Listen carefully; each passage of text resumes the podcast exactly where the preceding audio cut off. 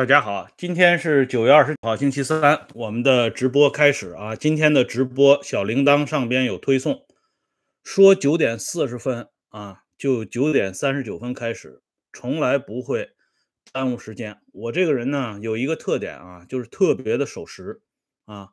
我跟别人约时间，我宁可早一点到，也不会让别人来等啊。我这个直播呢也是这样，而且在直播呀开始之前。